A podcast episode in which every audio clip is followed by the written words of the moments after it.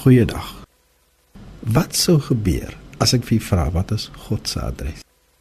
Want in Openbaring 21 staan daar: Kyk, die woonplek van God is nou by die mense. So as 'n mens met permissie gesê, die Here wil Rika moet jy mos jou eie adres gee, want die Bybel sê hy woon by jou. Dit klink ironies en dit klink dalk miskien snaaks, maar eintlik is dit 'n feit.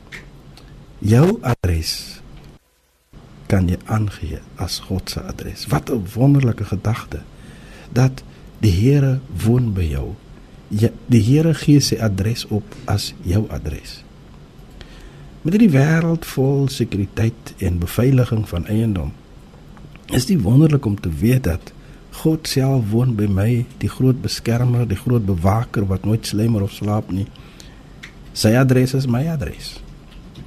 So dalk kan 'n mens volgende keer as jy 'n adres opgee sê God woon by my. Klink dit snaaks om te sê? As die Here dalk sy adres met Rika gee jou nou op. As ek die Bybel lees, Openbaring 21 vers 3. 'n Harde stem sê: God woon by mense. Kom ons loof hom daarvoor. Here, dankie dat u adres my adres is.